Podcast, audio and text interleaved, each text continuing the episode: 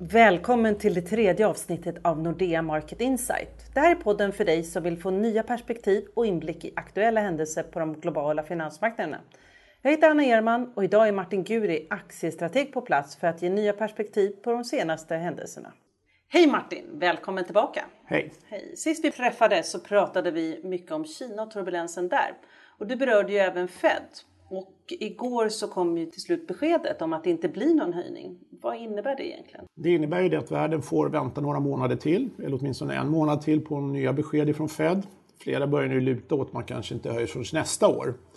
Det var ju väldigt intressant det beskedet som Fed kom med för att man tog faktiskt hänsyn till omvärlden. Man sa väl i stora drag att det såg ganska bra ut i USA men man var rätt orolig för det som hände i omvärlden och det här är lite nytt.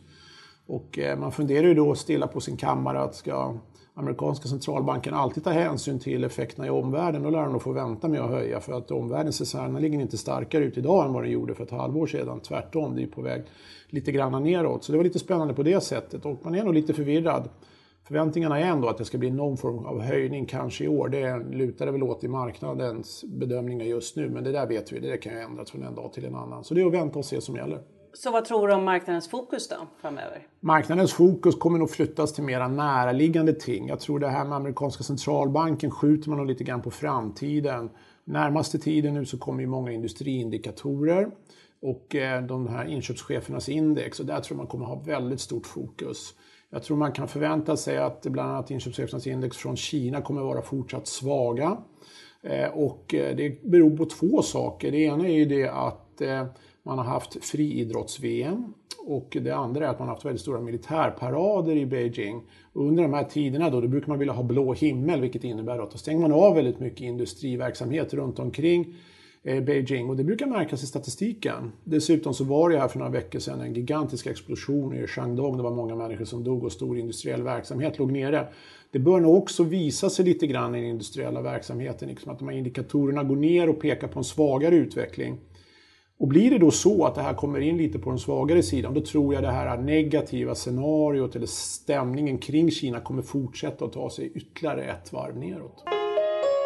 Eh, när det gäller Japan så fick ju de sänkt kreditbedömning i veckan. Eh, är det något som vi behöver fundera på? Nej, egentligen inte. Jag tror alla i finansmarknaden förstår att japanerna är i en ytterst besvärlig situation och det man har för politisk avsikt att åstadkomma då bättre tillväxt och högre inflation, det kommer man aldrig lyckas med. Och det beror egentligen på att man har inte förutsättningarna rent demografiskt. Befolkningen krymper, befolkningen blir äldre. Det finns egentligen ingen stark efterfrågan utan vad man försöker göra och har gjort under flera års tid det är att göra det lite bättre för exportbolagen genom att försvaga sin valuta. Men det har man hållit på med nu i flera år, så härifrån framåt så tror jag ingen egentligen är förvånad över att Japan fortsätter sin långsamma resa neråt rent strukturellt. Det finns helt enkelt inga förutsättningar för Kina, eller förlåt Japan, mer än kortsiktigt växa lite starkare och det är tack vare då bättre export som tack vare då svagare valuta. Men det verkar vara över. Så jag tror vi lägger det åt sidan också. Så det är egentligen Kina som vi fortsätter att bevaka här i podden och för övrigt också? Ja, Kina och hela emerging markets-komplexet, det hänger ju ihop väldigt mycket eftersom Kina är världens största köpare av råvaror. Många länder och företag har ju varit och är fortfarande väldigt beroende av den exporten och när efterfrågan då sjunker så blir det mycket sämre villkor för de här länderna och det står väldigt mycket i fokus. Brasilien är ett sådant land som står på näsan ordentligt just nu med mycket negativ ekonomisk tillväxt, hög inflation, mycket korruption också inne i landet som gör att den politiska processen går långsamt framåt. De har också blivit nedgraderade och det ser mycket dystert ut för deras del på kort tid. Och man har introducerat ett stort sparprogram vilket kommer att slå på tillväxt och konsumtion ytterligare. Det här är en mycket stor eh, ekonomi som självklart drar med sig många andra i fallet. Och så här lite liknande ser det ut på andra håll också. Ryssland är ett annat problem som har stora problem med oljepriset. Men även i Latinamerika, Colombia, Venezuela och många andra lider av det här. Och även Mexiko har fått sin släng av sleven. Sydafrika är ett annat sånt där råvaruland som också har det ganska tufft just nu på grund av svagare efterfrågan. Och så här kan man hålla på och rabbla land för land för land egentligen. Så hela det här komplexet som vi kallar för emerging markets, hela råvarukomplexet, allt det som är relaterat till den kinesiska tillväxten har det tufft och kommer att få det fortsatt tufft tror jag under hela hösten. Och om vi tittar lite närmare i närområdet så har vi ju ett grannland Norge som också påverkas av fallande priser på oljan. Hur ser det ut där för övrigt? Ja, där kan man eh, nog vara lite orolig också för att eh, Norge är ju sagt en väldigt enbent ekonomi på det sättet. Man har gjort sig väldigt beroende av, på goda grunder då, av intäkterna från oljesidan och när oljepriset mer än halverats då sjunker intäkterna undan. Och det är ju snart ett år sedan oljepriset mer eller mindre kollapsade och nu börjar man ju se konsekvenserna. Och eh, det är ju, arbetslösheten stiger lite grann, det finns väldigt mycket fastigheter till salu i de här eh, oljestäderna och man är beredd att det här eh, jobbas igenom hela näringslivet och hela näringslivskedjan gradvis och kommer slå på olika industrier. Så jag tror att tillväxtprognoserna för Norge är nog lite för optimistiska. Det finns också en risk för att de oljeprisprognoser med de officiella som finns i marknaden kanske också är lite för optimistiska.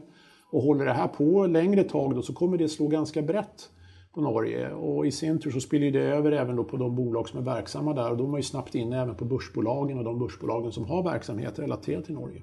Så hur påverkar det här den svenska börsen?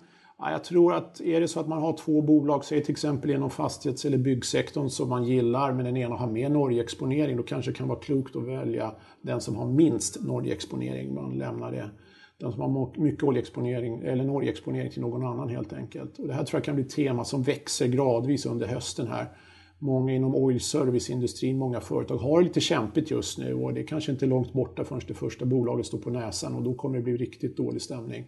Och då vet man att då drar man ofta över, alla över en kam och håller sig ännu längre borta. Så att egentligen så eh, om man tittar på hela både emerging markets och Norge så ser det ut som en ganska utmanande höst och vinter för börsbolagen. Ja, så kommer det vara. Signalerna kommer ju hagla ganska tätt. Just nu är vi inne i ett fönster då vi de senaste dagarna sett mycket vinstvarningar från företag som har relaterat eh, verksamhet till emerging markets. Det kommer ju fortsätta nu. Bolagen får ju bara kommunicera kanske en eller två veckor till innan de så att går in i en sån här tyst period inför rapportsäsongen. Och vinstvarningarna kommer nog hagla. Så med svaga ledande indikatorer, bolagen som vinstvarnar, fortsatt mycket svag eh, makro från Kina och så vidare så är man inne liksom i, i, en period då det är väldigt tungt och det är väl ungefär det vi har räknat med att det här kommer hålla på att ta till åtminstone kanske en månad, sen får vi se var vi står då. Så om vi avslutande pratar lite om den svenska marknaden. Eh, vi har en kommande avtalsrörelse samtidigt som vi ser en kronförstärkning. Hur kommer det här påverka Riksbankens strategi framöver tror du? Ja, Riksbanken befinner sig i ett väldigt eh, besvärligt dilemma just nu. Att man vill ju verkligen inte ha en stark svensk krona och samtidigt så vet man ju det att det är inte så mycket man kan göra åt det här utan det sitter väldigt mycket i omvärldens händer.